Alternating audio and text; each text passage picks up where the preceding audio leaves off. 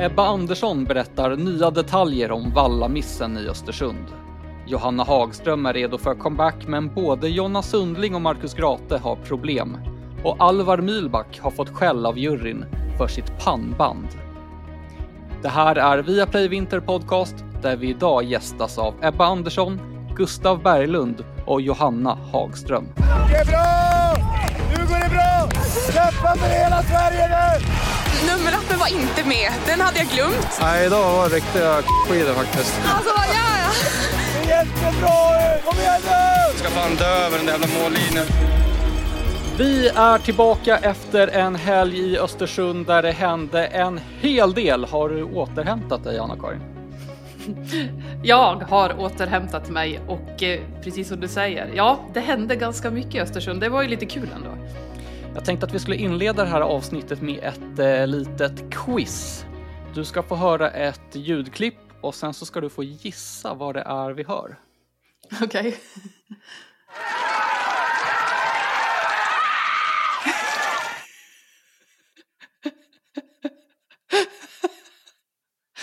Eh, du ska få t- tre olika alternativ. Ja, Var det ett, Therese Johags pappa som fick ett jobbigt besked? Kryss, en åskådare som blir attackerad av en björn. Eller två, Rosie Brennan som blir hindrad av Sveriges längdchef Lars Öberg under sprintfinalen i Östersund. Du kan få lyssna en gång till så att det blir lite lättare för dig.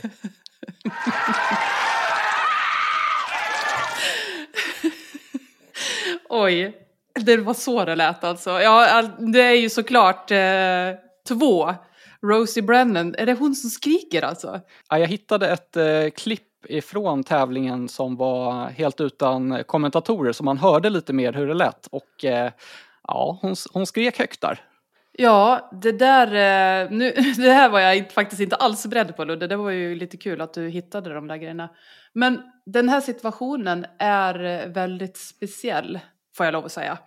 Ja, för de som missade den här händelsen så var det alltså under damernas final som Lars Öberg sprang längs med spåret för att heja på de svenska tjejerna och han hamnar helt fel och kommer ut framför Rosie Brennan. Och Brennan, hon blir lite hindrad, hon missar ett stavtag. Jag har kollat på det här klippet många gånger nu. Eh, och det påverkar henne lite grann och hon missar ju sen också pallen.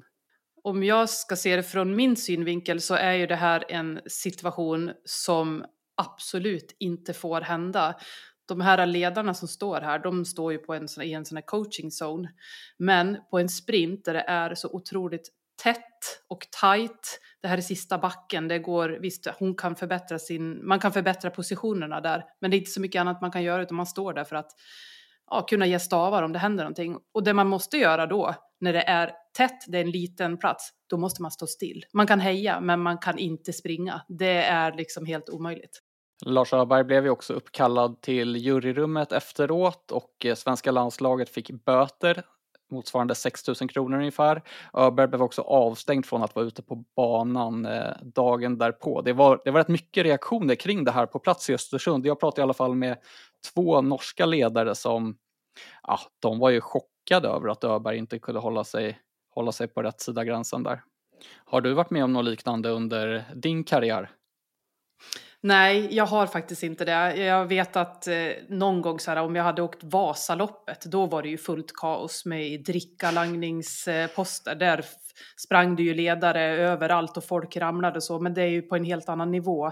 Och det har ju hänt saker på, vid drickalangningsposter tidigare under världscupen, men då är man i en helt annan situation. Det här är en plats där eh, ledarna som står där, de vet att de kan inte springa för att det är helt omöjligt. För att det enda stället du kan springa på, det är ute i spåret. Du kan inte springa i den här coachingzonen. Ja, Lars Öberg han bad om ursäkt efteråt och känslan var att han har lärt sig en läxa. Han kommer inte hamna ute i banan igen. Nej, det tror jag inte. Men det var ju som sagt eh, en hel del som hände i Östersund så jag har skrivit ihop en liten summering som jag tänkte dra här. Ja, kör, jag vill höra.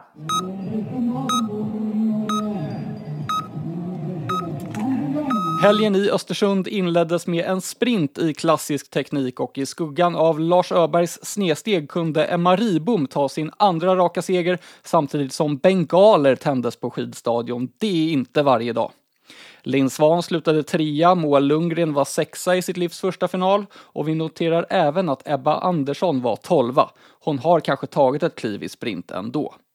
På herrsidan fanns det stora förhoppningar på Marcus Grate, men han sträckte låret i första backen i kvartsfinalen och fick lämna i pulka. Istället var det Johannes Höslot Kläbo som vann före Erik Valnäs och amerikanen JC Schoonmaker, även känd som Emma Riboms nya pojkvän.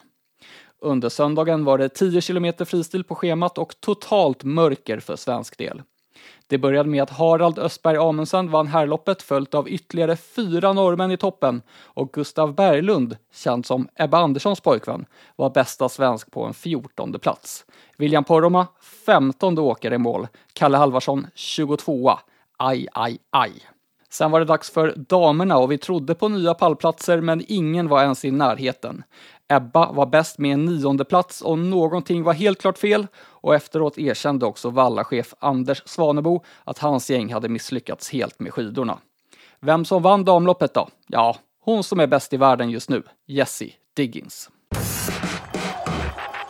Jag tycker vi börjar med den här vallamissen. Det är många som har skickat in frågor om just det. Vi ska besvara dem i slutet av avsnittet när vi öppnar frågelådan. Vi kommer att prata med Ebba Andersson och Gustav Berglund också om eh, vallamissen. Men hur förvånad blev eh, du, Anna-Karin, över det som hände där? Jag blev lite förvånad, det gjorde jag. Och jag satt ju och kommenterade och såg ju ganska tidigt att herregud, de hänger ju inte alls med idag. Och så får man vara lite försiktig kring att uttala sig eh, runt vad det handlar om. Men det var ett före under i stort sett hela helgen som var väldigt liknande. Och därför så förvånar det mig lite grann att de inte får till skidorna på söndagens lopp när herrarna hade, såg ut som att de hade bra skidor. Visst, det här snöfallet kom, det påverkar. Men ehm, det, är, det är alltid som vanligt, det är otroligt tråkigt när det händer. Vi får ju säga det också att eh, Sverige har ju haft bra skidor i början av säsongen. Den nya vallachefen Anders Svanebo, han var också väldigt rakryggad efteråt och eh, erkände ju direkt att eh, skidorna var icke godkända. Eh, en annan sak som jag inte hade med i summeringen, men jag tänkte vi får nämna det ändå eftersom vi har pratat så himla mycket om Alvar Mylback, den 17-årige supertalangen. Han fick ju chansen här både i sprint och distans och det gick ju inte som man hade tänkt sig. 50 plats i sprinten, 60 plats i distans. Hur ska vi analysera det här då? Alltså 50 platsen är eh, inte alls konstigt. Vi visste ju på förhand att det skulle bli väldigt svårt för honom att göra ett bra kval, för där har han haft problem innan. 60 platsen, det var ju inte alls ett bra lopp av Alvar. Och hans reaktioner efter målgången, man ser ju hur eh, otroligt besviken han är. Han vill ju så otroligt mycket mer än det här eh, och då när det inte stämmer en sån här dag så blir det liksom allt blir negativt för honom. Jag är helt övertygad om att Alvar kan mycket, mycket mer än så där. Men när man kommer på en världscup, han åkte ju den där eh, jättebra klassisk sträckan på mm, stafetten i Gällivare och så kommer han till Östersund, vet att han måste prestera för att fortsätta och eh, det är inte så lätt. Det är få som kommer in på världscup som har klarat av det här tidigare. Men jag tycker att det var en bra erfarenhet för eh, Alvar att få köra och nu vet han vad det är som krävs för att han ska få vara med där uppe. Jag gjorde ett reportage eh, om Alvar inför helgen och där berättade han att det som han är allra bäst på det är att åka i fält. Alltså med mm. andra åkare runt om sig och det fick han ju göra i stafetten i Gällivare där det gick så bra. Men i en sprintprolog, där åker man själv och även i distansloppet i Östersund var ju också att åka själv i och med att det var individuell start. Så jag kan känna att det är synd att han inte får visa upp sig på det han är bäst på. Nej, han skulle ju behöva vara med på en, eh, ja men som nu till helgen till exempel är det ju en skiathlon eh, eller en massstart. Det är ju de absolut bästa loppen för Alvar och jag är helt övertygad om att han hade varit bland de bästa svenskarna där, kanske inte den bästa svensken, men han, han, det är ju det här han är van vid. Han vet hur man hanterar sådana här lopp, så att det var inte de bästa loppen för eh, Alvar under helgen i Östersund tyvärr. Men eh, vi får väl se vad som kommer härnäst. Visste du om att det blev ett juryärende med Alvar Milback? Ja, jag såg det, att han hade fått någon liten varning, men jag har ingen aning om vad det var för någonting. Nej, eh, det var ju redan i Gällivare så blev det ju juryärende kring Alvar när han hade sprungit utanför och knuffats och fuskat med tekniken. Det är ju lite rock'n'roll kring honom. I Östersund var det någonting helt annat. Eh, jag upptäckte också det här i resultatlistan efteråt. Det står att han har fått en muntlig tillrättavisning för commercial marking. Ja. Och då började jag rota i vad var det här för något då? Då visade det sig att han åkte med ett pannband som inte var tillåtet. Det var en rad sponsorloggor på det här pannbandet från lager 157. Mm. Och eh, det var alldeles för många loggor. Det finns regelverk kring det där. Man måste också ha på sig en Sverigeflagga på sin huvudbonad. Det saknades också. Så det var därför juryn var framme och tog Alvar i örat. Ja, han körde ju med en buff. Och det är precis som du säger, det kan man ju absolut inte göra. Den där Sverigeflaggan är jätteviktig och eh, ja, det, du ser, till, redan där eh, har han inte riktigt koll på grejerna. Vi har eh, tre stycken gäster som vi ska prata med i dagens avsnitt. Lite senare ska vi prata med Johanna Hagström som är redo för comeback efter sitt sjukdomsuppehåll. Men först ska vi ta in Ebba Andersson och eh, Gustav Berglund.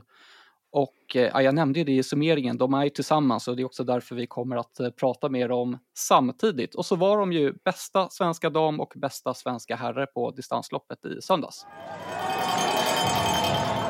Nu har vi med oss Ebba och Gustav. Välkomna till Viaplay Vinter Podcast. Tackar, tackar. Ja, tack ska du ha. Vi ska ju prata lite om helgen vi har bakom oss och jag misstänker att en av er är lite mer nöjd än den andra så vi börjar med dig Gustav. 14 plats i söndags. Klart bästa distanslopp du gjort i världscupen. Ja, jag är supernöjd alltså med helgen. Det var, det var nog, eh, nej, det värmde verkligen att få till ett så pass, eh, pass bra lopp. Och på hemmaplan också. När du blev intervjuad där direkt efteråt, eh, då kändes det som att du nästan var, var lite chockad över det. Eh, Du Ja. visste inte heller hur det kunde ha gått så bra. Har du hunnit tänka igenom det här, vad som låg bakom det egentligen? Eh, alltså jag tror ju faktiskt att eh, vi två fick vara här på hemmaplan i våran trygga lägenhet och göra egen mat och inte behöva liksom lämna för något hotell och sådär. Det var nog faktiskt en eh, bidragande faktor. Vi har haft det ganska bra här i, eh, i lägenheten i helgen. Men eh, är det första gången som ni tävlar tillsammans så här och bor hemma? Alltså på världscup sker det ju inte så ofta. Det har väl typ aldrig Nej. hänt. Så det var ju väldigt speciellt. Annars har det ju bara varit, eller har det ens varit någon? Vi har ju kört träningstävling här i Ja, höstas till exempel. träningstävlingar, det är väl typ det. Det närmsta vi kan komma. Mm. Men annars så är det ju ovanligt att göra, göra så. Gustav, du la ut att du har fått ett eh, nytt eh, turnummer, skrev du på Instagram. Nummer 21. Jag, har, jag kan säga att jag har inte startnummer eh, 55 som nytt turnummer. Det har jag inte. Eh, Ebba, vi ska prata om eh, ditt lopp i söndags, men först så vill jag fråga dig vad du säger om det som Gustav gjorde. Mm, det var imponerande. Helst med tanke på hur, ja, hur pass eh, gnällig han var innan han stack iväg. Det, det gnälldes både om eh, mage och huvud eh, som han hade lite ont i. Mm. Och jag så här försökte leta reda på någon Alvedon men alltså inte ens det hade jag hemma. Så att eh, det var bara liksom att bita ihop och så ja, ta sig samman och det verkar han ju verkligen ha gjort. Ja, nej, jag hade verkligen ingen bra morgon där på söndagen. Och så råkade jag få med mig din foam roller också. Ja, Gustav han, han ringer till mig alltså lite så här halvt i panik när jag är ute på en, eh, en morgonjogg tillsammans med mamma och jag tänker bara men gud vad har han glömt nu? Och så bara, jag bara jag är så ledsen men jag råkade visst få med mig foamrollern upp till stadion. Och eh, jag var ju i behov av en där på förmiddagen men jag sa bara det är lugnt, jag lånar pappas. Eh, vänta nu, foam roller, alltså då har ni en vars... Men vad har inte du någon egen Gustav? Jo, men i och med att jag, eh, jag har också en till, jag har en egen lägenhet uppe på körfältet också här i Östersund.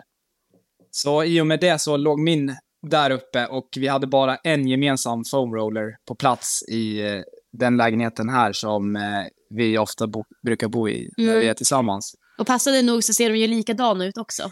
Ja, så då i all hast så då råkade jag ta med den enda foamrollern som vi hade här i lägenheten. Och det var inte så, det var inte bra. Nej, fast grejen var ju att du målade upp det i ditt huvud som att det skulle vara katastrof. Ja. Och sen så när du liksom Men det är ju för att jag, jag visste ju hur kinkig du brukar kunna vara med dina aktiveringsövningar och så vidare. Ja, och- dess, dessutom så hade, du, hade jag ju verkligen så här skrämt livet i dig också dag, kvällen innan. När, eller kvällen innan, eftermiddagen innan. Eh, så han visste väl så här att okej, hon, hon har varit lite så Ja, eh, kanske inte haft jättemycket tålamod. Med Du var lite just det- frustrerad efter din, din eh, tävling på lördag. Ja, ja, men lite. Och så i kombo liksom med att jag kommer hem och så möts jag av en lägenhet som jag där och då tyckte såg ut som ett rövhål, sa jag till och med. så då förstår ni liksom så här, vart min aggressionsnivå låg någonstans där under den eftermiddagen. eh, och när jag tyckte liksom att Gustav han har varit hemma liksom en halv dag och han har inte ens eh, haft tid att hänga upp sina träningskläder från gårdagens träningspass. Då, liksom, då tog mitt tålamod slut. Det är ju direkt svagt, Gustav.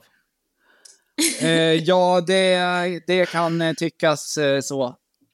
Eh, jag, jag, eh, så att säga, jag eh, kände att nej, nu, nu håller jag mig undan här ett tag, tänkte jag. Och så då, då kommer den här foam roller-incidenten, så inte den bästa tajmingen. Men jag, alltså, jag skulle säga att jag tog det med ganska god ton. Ja, den grejen tog du med god. De andra grejerna, det var, det var ord och inga visor. Jag hade utagerat allt eh, eftermiddagen innan. Ebba, om vi ska prata lite om din helg rent eh, tävlingsmässigt. Eh, jag tänkte att du skulle vara nöjd med lördagen. Mm, jo, men alltså jag var ju nöjd med allting fram till... Eh, eller inte allt, men mycket fram till eh, upploppet i kvartsfinalen. Eh, och där så är jag inte tillräckligt på hugget och observant på vad som sker bakom mig och inser att jag borde byta spår i ett lite för sent läge inför upploppet. Och eh, känner väl egentligen där och då att jag går miste om en semifinalplats. Att hade jag bara agerat på ett lite annat sätt så hade den känts eh, betydligt närmare än vad den nu blev. Så det var väl framförallt det som eh, jag var lite så frustrerad över att eh, det liksom var en sån tydlig miss. Och jag visste så vad jag verkligen hade kunnat gjort annorlunda och att det hade blivit ett, ett helt annat resultat, eller mest troligt blivit ett helt annat resultat. Så det var väl framförallt det som bidrog till den frustrationen. Och sen också liksom helst när man väl liksom får chansen att, att köra ett sprintrace, då vill man ju också ta tillvara på den för det, det har ju liksom inte kommit allt för många chanser. Ska vi prata lite om söndagen? Vågar vi det? Eh, innan, du gav dig, innan du gav dig ut Ebba så intervjuade jag Gustav eh, och så frågade jag honom om eh, Ebba kommer vinna det här loppet. Då sa han japp, det tror jag. Sen så kastade du ut i spåret och jag tyckte det gick lite trögt. Eh, ja, eh, jag själv kände ju också att så här, eh, idag så, så har jag dagen för att kunna vara med, alltså där verkligen uppe i toppen och kände att eh, både huvud och kropp eh, ja, men verkligen var på rätt plats. Eh, Likaså skidorna när jag testade dem eh, ja, en bit innan start. Eh, så egentligen så var ju allt tipptopp eh, tills det började närma sig start och jag först ser hur snön börjar trilla ner och eh, den blir ju bara tätare och tätare. Eh, så liksom från de här små flingorna som bara flyger till att okej, nu snöar det faktiskt. Eh, så redan där kände jag liksom när jag stod på starten att okej, jag har lite odds emot mig. Eh, men ut, fokus på uppgiften och kände direkt att, eh, att kroppen svarade bra och fick eh, ja, men också väldigt bra sekundering i början av loppet. Men sen efter det så bara eh, dalade det. Eh, och trots att jag själv tyckte att jag höll i både åkning och pace så fick jag bara sämre och sämre sekundering. Eh, och först så tänkte jag ju att eh, det är det här snöfallet. Det är det som gör att eh, det går så mycket tyngre för mig än för någon annan, eller att det går så mycket saktare i alla fall. Eh, men sen så blev man ju också varse om att eh, det var ju en kombo av eh, tröga skidor också. Eh, väldigt tröga skidor. Eh, så då var det bara en kamp in i mål. Vallachef eh, Svanebo, han räckte upp händerna efteråt och sa att eh, de hade misslyckats eh, den här dagen med skidorna. Jag är nyfiken på vad händer efter en sån där grej? Hur går snacket då? Jag gissar att ni går bort och pratar med, med Valla-teamet. Mm, ja, alltså just precis när jag korsade mållinjen då var jag bara så förbannad att jag bara ville därifrån. Eh, och så sen eh, just eh, direkt efter målgång när det var dags för den här prisceremonin så skulle det även delas ut eh, ett pris som jag skulle få ta emot utan att egentligen vara förberedd på det eh, som årets vinteridrottare här i Östersund. Eh, och jag, alltså, jag kan säga att jag motstridigt gick ut och tog emot det här priset för att alltså, jag inombords bara kokade det. Jag såg hela den här processen när Charlotte Kalla kom fram med priset och eh, du såg ut som ett åskmoln. Men när de höjde kameran då blev det ändå ett stort leende. Det var bra jobbat Ja, men jag, jag sa det till Charlotte där liksom i samband med att hon skulle dela ut eh, den här utmärkelsen så sa jag det att alltså, bara så du vet, jag är sur egentligen. eh, så eh, jag fick ju som verkligen eh, tvinga mig till att le eh, framför kameran. Eh, det var, alltså den gången... Taskig timing på det, den utmärkelsen. Ja, lite grann. Men samtidigt så, det var ju ändå Charlotte som skulle dela ut det, så att jag, liksom, jag fick pallra mig ut dit och ja, ta tillvara på den stunden så, så gott det gick. Men sen om jag ska tänka lite senare och där under eftermiddagen så, ja, efter att gått igenom eh, mixade zonen och svarat på alla frågor så har ju som vallarna varit ute och testat våra skidor. Eh, så innan jag lämnar tävlingsplatsen så får jag liksom svart på vitt att eh, det är inte bra material som vi har blivit utskickad på. Eh, och då kan de också se det i förhållande till det som, som grabbarna hade. Även om det var liksom samma vallning så, så visade det sig på lite olika sätt när den här nysnön mm. hade dykt upp. Eh, och sen, eh, ja, en dag senare, alltså under gårdagen, måndag, så har vi även fått eh, vi åkare en eh, en liksom skriftlig analys av vallachef vad det är som blivit tokigt. Och sånt, eh, sånt uppskattas ju verkligen oerhört av oss åkare för att eh, många gånger så kan det ju vara så att eh, ja, men har inte liksom riktigt klaffat helt hundra att då in, inte att man har ryckt på axlarna åt det men att det har ju som sällan kanske varit eh, den ordentliga analysen att vi liksom har fått den återkopplingen på det här sättet. Eh, och det, det känns ändå liksom väldigt skönt bara för att här, få en liten bekräftelse på att det inte bara är ens egna upplevelse utan det var faktiskt inte bra. Och att det också visar på att man verkligen liksom försöker lära sig framåt. För det är ändå framåt som liksom både vi och Valla-teamet alltså verkligen vill. Nu inför eh, Trondheim i helgen då. Jag eh, kan gissa att en revanschsugen Ebba Andersson kommer sikta på att vara allra högst upp eh, i i princip alla tävlingar. Men Gustav, hur högt siktar du efter den här 14 platsen i Östersund? Jag, jag siktar på en topp 20-placering. Ja, ja. Och sen så också har jag, eh, ja men, jag har eh, vissa andra grejer också som jag liksom vill uppnå under det här loppet.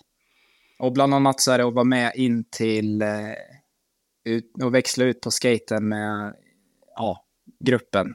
Mm. Om det blir en grupp då i så fall, så vill jag vara med i den gruppen. Så det är, eh, det är mina mål för eh, helgen. Men för man får inte heller glömma att eh, nu tar vi oss liksom över till Norge. Mm. De får ha 12 åkare till start, eller kanske till och med 13 med friplatser och sådär. Eh, ja. Så det är ju det är många starka åkare, eller betydligt fler starka åkare eh, än vad det är vid många andra världscuplopp. Mm. Det är ofta det som man möts av när man tar sig till Norge, att det är, det är tufft om topplaceringen då, eller tuffare till och med. Ja, så är det. Det blir spännande att eh, se hur det går i helgen. Vi håller tummarna och eh, så får vi säga tack så mycket för att ni var med här. Ja, men tack snälla för att ni ville ha oss med. Tack själva. Vi ses där. Ja, vi gör det. Ha det fint så länge. Ja, Ebba, hon är ganska hård med Gustav va? ja, hon är lite hård men hon har ändå glimten i ögat hela tiden får jag säga. ja, kul. Eh, båda två är ju såklart med i truppen till Trondheim. Där ser vi också att eh, Oskar Svensson är med igen. Det är kul, han imponerade ju i sprinten i Östersund. Eh, Jonna Sundling däremot saknas inte helt tillbaka efter sin sjukdom. Marcus Grate saknas också. Där har det kommit besked efter den skadan han åkte på. Det är en mindre muskelbristning i höger insida lår som gör att han även missar Tour de Ski.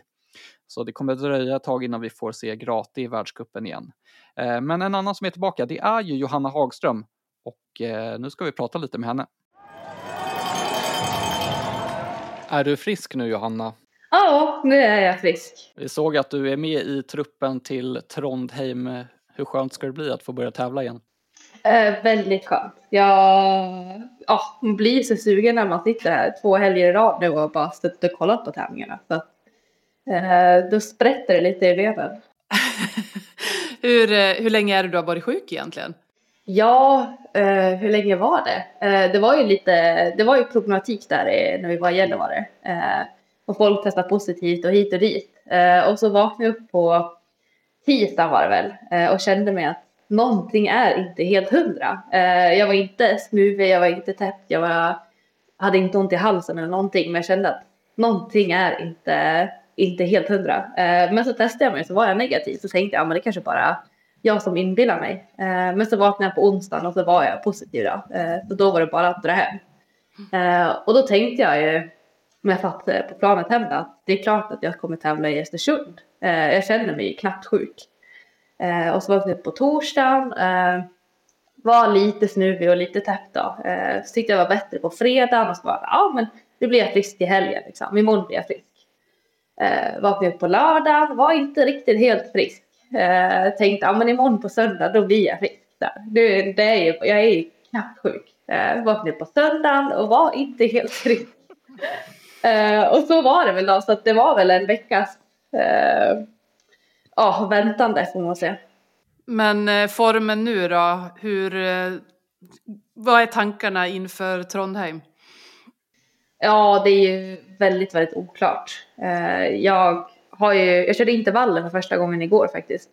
Så att, ehm, och jag, det blir ju en ganska långt upptrampning också i och med att jag var ändå sjuk i en vecka då. Så att eh, det blir ju lite sån här första dagen man tränar så blir det en, en 45 minuter skidor. Andra dagen så blir det två gånger 45 minuter och, och sen ska man vila en till dag. Eh, Allt sånt där. Så det blir en lång process. Men ja, väldigt, väldigt oklart vart jag står och det är väl det som är lite läskigt med den här helgen. Då. Eh, det kan verkligen bli fågel eller fisk. Du hann ju tävla i början av säsongen. Du var femma i nationella premiären i Gällivare och sen fjortonde plats i Ruka. Nu har du ju kunnat ligga hemma på soffan och grubbla lite. Hur har du analyserat starten?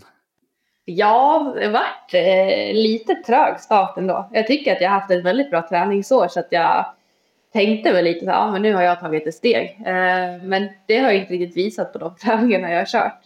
Men å andra sidan har jag haft fokus också på att träna lite mer mängd tätare än på tävlingarna. Eh, och det kan ju vara, ja, jag hade inte bestämt mig att jag skulle vara i toppform i Gällivare och det var jag inte heller. Eh, så att, eh, ja, nej men. Jag var ju väldigt besviken där i Ruka när jag åkte ut i kvartsfinalen. Eh, men när man kollar tillbaka på det, alltså det behöver inte vara så dåligt lopp heller. Försöker intala mig själv. Mm. eh, jag vet att för två år sedan så gick jag vidare på Lucky Loser-tid eh, i Ruka då. Eh, och så hamnade jag ändå på pallen. Så att det kan ju bara vara en sån liten tillfällighet. Eh, ja, jag hade lite otur och åkte ut i kvarten. Jag hade kanske kunnat gå vidare på Lucky Loser och kommit, fått en mycket bättre dag. Så. Eh, Trondheim nu, det är ju en eh, ganska så ny plats i världscupen. Det är sällan eh, det har varit tävlingar där, men jag har sett, eh, du har ju varit där och tävlat förut, eller hur? Ja, jag har varit där en gång på vintern och tävlat och det var ju på Skandinavisk cup tror jag. Eh, då var jag junior, tror jag. då var jag och Frida tror jag, åka dit och, och tävla då. Eh, och sen så har jag varit där på sommaren och tävlat. Jag var där i somras faktiskt och körde på bana. Eh, så att eh, det är ingen okänd arena för mig. Det är ändå... Ja, men det är tuffa banor. Det är ganska kul banor, men tuffa. Hur passar de dig då? Ja... Ehm, Nu väntar du för länge med att svara. ja, jag vet inte. Ja, men det, det är ju lite, det är ganska, det är ganska svårt ju för att det är en eh, avslutning med en utförsbacke och så en kurva och sen ganska tajt spurt då. Eh, men sen vet jag att de backar, eller när jag körde där på skandinaviska, då körde jag ändå ganska bra, för mig. Eh, Så att jag har ändå bra minnen från, från just eh, Granåsen där då. Viktigt ändå när det är VM nästa år på de här banorna. Men du Johanna, du är ju tillsammans med en norsk kille. Kommer du till Trondheim nu och snackar norska eller? Ja, så bra har jag väl inte blivit. Jag tycker det här det området där vid Trondheim, det Tröndelag, det är ganska svårt att förstå. så att eh, jag vet ju när jag kom dit i somras så, eh, så mötte jag upp då lite folk som pratade Tröndelag och så sa jag hela tiden va? Va? och då fick de poängtera, Johanna kan inte du norska nu? Och så där, nej, inte riktigt än. Sen började jag fundera på också om det är så att eh, min pojkvän börjar prata, eller prata lite liksom, lite svenska utan att jag tänker på det. Du förstår vad han säger? Ja, ju det. Det förstår jag. Det är ju bra. Men det är ändå, ja. Men det är ändå kul för vi båda sa det där i början när vi började dejta att eh, men jag lärde, jag lärde känna hur han pratar ganska bra eh, och han lärde känna mig hur jag pratar ganska bra. Men när vi kanske pratar med, när jag pratar med hans familj, då förstår jag inte alls lika bra som jag pratar med han. Och han var lite samma, att han förstår inte mamma och pappa lika bra som man kanske förstår mig för att man har lärt sig hur, hur vi pratar och hur vi pratar med varandra. Eh, så det är lite spännande. Så kommer det någon gång kanske ja, någon med någon svår dialekt liksom och då är man helt samma som eh, när någon pratar skånska tror jag, det har han svårt för. Det hör han inte. Jag känner igen det där. ja. Ja, men eh, härligt Johanna. Tack så mycket för att vi fick eh, störa dig här och skönt att du är tillbaka på banan igen. ja, ja men tack. Vi ska ha och packa så att ladda upp. Vi ses om några dagar. Ja, men det gör vi. Ja, en taggad Johanna Hagström, men det låter som att vi ska ha ganska låga förväntningar på henne inför helgen. Ja, det känns lite grann så. Det, vi har ju fått lära oss att det tar lite tid att komma tillbaka efter en eh, covid-infektion. Du, vi öppnade frågelådan inför det här avsnittet och eh, det har strömmat in frågor. Vi tar dem nu. Den första kommer från eh, Julia Ostholm. Hur kan man valla fel på skateskidor? ja, precis. Det, för det första så lägger man ju inte någon fästvalla utan det är ju bara glidvalla, paraffin och eh, pa, någon typ av pulver. Men eh, det som är är att det inte alltid att det är vallningen som det är fel på utan det kan vara så att det är strukturen också i skidan som inte passar för det föret. Och är det så att man eh, inte har rätt struktur, man har också fel eh, glider under skidorna, då blir det väldigt, väldigt fel. Men Det är i stort sett lika svårt att eh, valla fel på skate som på klassiskt. Sen har vi fått en fråga från Jimmy Huber som faktiskt tävlade i simhopp för Sverige i OS 1996. Han skriver Varför gullar alla med Valla-teamet? Till och med Anna-Karin vägrar kritisera dem. Jaha, ja just det. Nej men eh, ja, det är ju en bra fråga faktiskt. Jag förstår att det kan kännas så när man sitter hemma och ser att det går inte som det ska och då är ju alltid första tanken, de har ju vallat bort sig idag. Och det kanske är lite samma sak för mig, att jag känner att det här, nu är det någonting som inte stämmer och då är ju alltid första tanken att det är skidorna det är fel på. Men samtidigt så kan man inte gå ut och säga det innan man vet helt säkert att det verkligen är det. Ja, sen handlar det väl också lite om att eh, visa respekt mot eh, Valla-teamet. De, de jobbar långa dagar, de jobbar hårt, de gör sitt bästa och eh, vi kanske ska veta att det är de som har gjort fel innan det börjar pekas finger i, i deras riktning. Vi kastar oss på nästa fråga som är lite samma tema faktiskt. Carolina Helgesson skriver, är det bara vallarnas fel om skidorna inte är optimala eller är det andra som testar också? Det är ju oftast inte själva vallarna som testar utan det finns ju olika personer i ett vallateam och det är vallare, det är testpiloter och det är som ett team som jobbar tillsammans. Sen testar ju även åkarna skidorna men när åkarna testar skidorna då har man ju redan testat fram det som man ska åka på. Så jag skulle säga att ansvaret ligger ju inte på åkaren utan där kan det ju handla om att man har väljer mellan två eller fyra par och kanske väljer fel par, men då ligger det ju oftast samma valla under de skidorna. Nästa fråga kommer från Ida Pettersson. Har Frida Karlsson pikat eller tror ni att hon kommer bli ännu bättre än vad hon redan är?